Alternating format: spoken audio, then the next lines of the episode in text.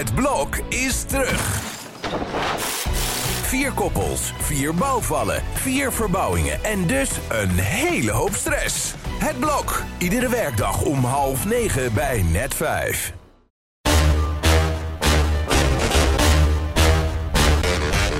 Dit is Trick Privé. De dagelijkse showbiz-update met Evert Zandgoeds en Jordi Versteegde. Een vrolijke tune, maar een bizarre showbizdag. Ja, het is uh, B-Day, de dag waar Marco Borsato zo naar uitgekeken had, maar die voor hem niet heel gunstig uitpakt. Hij zal erop gehoopt hebben dat het OM besloot hem niet te vervolgen, al staat dat niet helemaal vast. Want ik heb zijn advocaat ook wel horen zeggen dat ze wilden dat hij vervolgd zou worden, omdat dan in de rechtszaal de waarheid, eh, de waarheid boven zal komen. Maar voorlopig moet hij nog door een heel lang traject, want die zaak die gaat niet voor eind volgend jaar voorkomen. Ja. En uh, ja, het, de, de beslissing van het OM om te gaan vervolgen is natuurlijk ook wel omdat er de nodige dingen gevonden zijn, boven water zijn gekomen, die uh, leiden tot deze vervolging. En uh, het is niet zo dat hij er uh, zomaar vanaf komt, dus in tegendeel zou je kunnen zeggen. Nog even voor de mensen die niet alles gelezen hebben. Wat is nou precies de beschuldiging? Uh, het staat helemaal los van die voice-zaak. Daar is hij helemaal vanaf. En wat er nog bleef, was de moeder van een meisje. de, de, moeder heeft voor Marco gewerkt. Uh, als secretariaat, als assistent. Als, en hij kwam daar ook over de vloer. En daar was dus een meisje van toen minderjarig. Die in die periode ook nog haar vader verloor. Die zelfmoord pleegde. En vanaf het moment dat die vader dood was, zegt dit meisje. Is, is het de ontucht, de, de, de, de, seksuele ongepaste gedragingen van Marco zijn toen begonnen met een hand tussen de benen, een hand op de borsten en dat soort dingen. En die heeft ze beschreven in een, dagboek. Dat dagboek is bij die moeder terechtgekomen, die heeft dat gelezen. Uh, wat is dit, vroeg zij. Nou, zei dat meisje, dat is allemaal gebeurd, maar wil je dan aangifte doen? Nee, dus ja. dat is jaren, of is er niks mee gedaan. En inmiddels is het meisje niet meer minderjarig. Heeft ze therapie gehad. Voelt ze zich een stuk sterker. En heeft ze besloten om to, alsnog in 2021 tot uh, aangifte over te gaan. Nou, de afgelopen twee jaar is door de politie gebruikt om uh, uitgebreid onderzoek te doen. Echt heel gedetailleerd. Dat dagboek is natuurlijk een, een, een, een stuk waar heel veel informatie uitkomt. Ja. En ja, getuigenverklaringen misschien.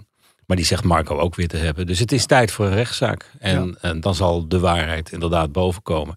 En dan wordt Marco veroordeeld of niet. Maar het feit dat dit niet zomaar voorbij gaat, dat dit niet geseponeerd wordt, dat is een flinke streep door de rekening voor iedereen die wel in Marco geloofde de afgelopen tijd. Nu zit ik hier tegenover de hoofdredacteur van Privé, die al jaren meeloopt. Heb jij in het Nederlandse showbizlandschap zoiets ooit meegemaakt? Nee, want het betreft ook nog eens de grootste ster die we hadden. Ja.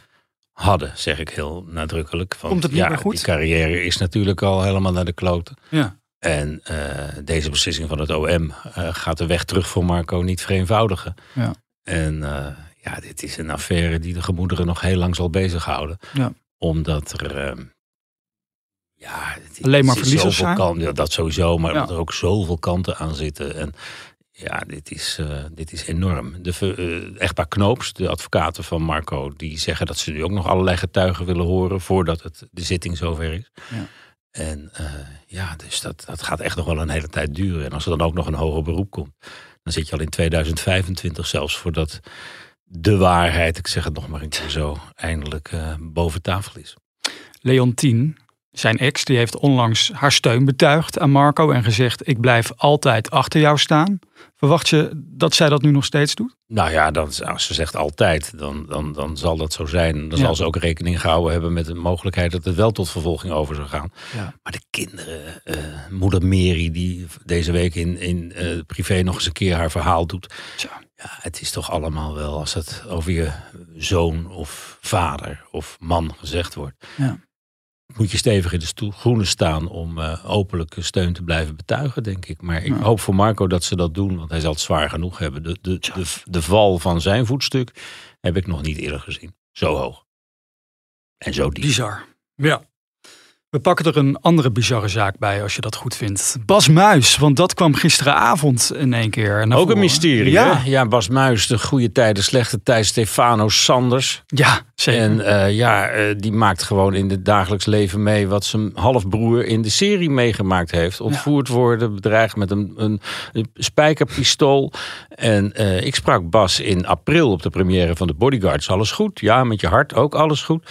Maar toen moet het een paar weken geleden, daarvoor gebeurd zijn. En ik merkte niks aan hem. Terwijl het toch een traumatische ervaring moet zijn. Om tegen je zin vastgehouden te worden, mishandeld te worden, afgeperst te worden. Tja. En eh, ja, hij heeft daarna ook gewoon vrij snel zijn werk weer opgepakt. Maar wat daar achter de schermen allemaal speelde en hoe dat dan zit met de, de vriendin van die dader. En daar had hij dan een verhouding mee. En was dat dan tijdens zijn, zijn, zijn relatie die hem drie kinderen opgeleverd heeft? Of daarvoor? Het is allemaal heel erg onduidelijk. En, en Bas heeft er tot nu toe niks over willen zeggen. Mhm. Misschien dat hij dat alsnog gaat doen. Want Ja.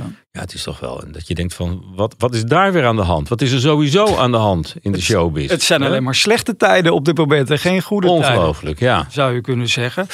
Even gewoon, even totaal iets anders, zo aan het einde van deze podcast. Mocht jij vroeger roken van je ouders? Eh, ja, maar ik heb dat nooit gedaan. En juist als je mag, dan denk ik, dan hoef je het ook niet stiekem te doen. Dan is er ook geen lol aan. Nee. En ik was geloof ik de enige in de klas die niet rookte. Oh, En ja, maar ik vond het gewoon niet lekker. En, en nog niet, ik, als, als iemand al eens zegt van hou, hou mijn sigaret even vast. Dan sta ik er al zo onhandig mee te schutteren. ik zie het jou inderdaad ook Nee. helemaal niet doen. Ja, ik mocht het niet doen, want dan kreeg ik mijn rijbewijs niet van mijn ouders. Oh ja, Dus nee, maar op de redactie ook. dat Iedereen rookte. En Ja. ik, heb er, ik heb er nooit wat van gehad. Vroeger mocht je ook op de redactie roken. Hè? Ja. Eén grote rookwalm. Nou, ik kom erop omdat Maxime Meiland onlangs gestopt is met roken voor die actiemaand. Hè. Stoptober heet dat dan. Ja, En Erika Bijland, haar moeder, zegt dus van... joh, stel je niet aan. Stel je niet aan. Ja, rook lekker door, joh. wat is dit toch ook voor een rare Het is familie? wel af en toe een hele rare familie. Maar Erika is sowieso heel eigenzinnig. En dat maakt Ja. haar tot een enorm leuk wijf, vind ik. Echt een Ja. stoer wijf. Maar of dit nou het beste advies is wat je je kind kan geven, dat weet ik eigenlijk ook niet. Want alles wat er op die pakje staat, eh, die waarschuwen, die kloppen allemaal. Die komen ook niet van imbecielen af. Die hebben daar echt onderzoek naar gedaan. En de ellende die roken veroorzaakt is enorm. Ja. Dus ik zou zeggen, stop tober en stop nog eh, in september.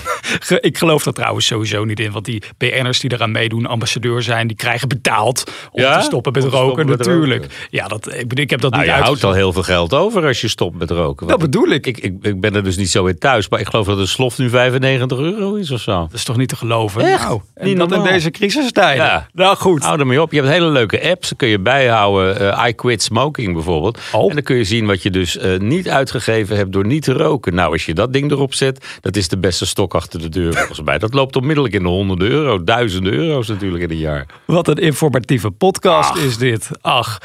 Ja, ik zeg nog maar eens op een bizarre dag in showbizland waar we eh, nog lang niet over uitgesproken zijn. We moeten afwachten wanneer die zaak gaat lopen rondom eh, Marco. Zo is dat. We zullen het er nog vaak over Ja. hebben.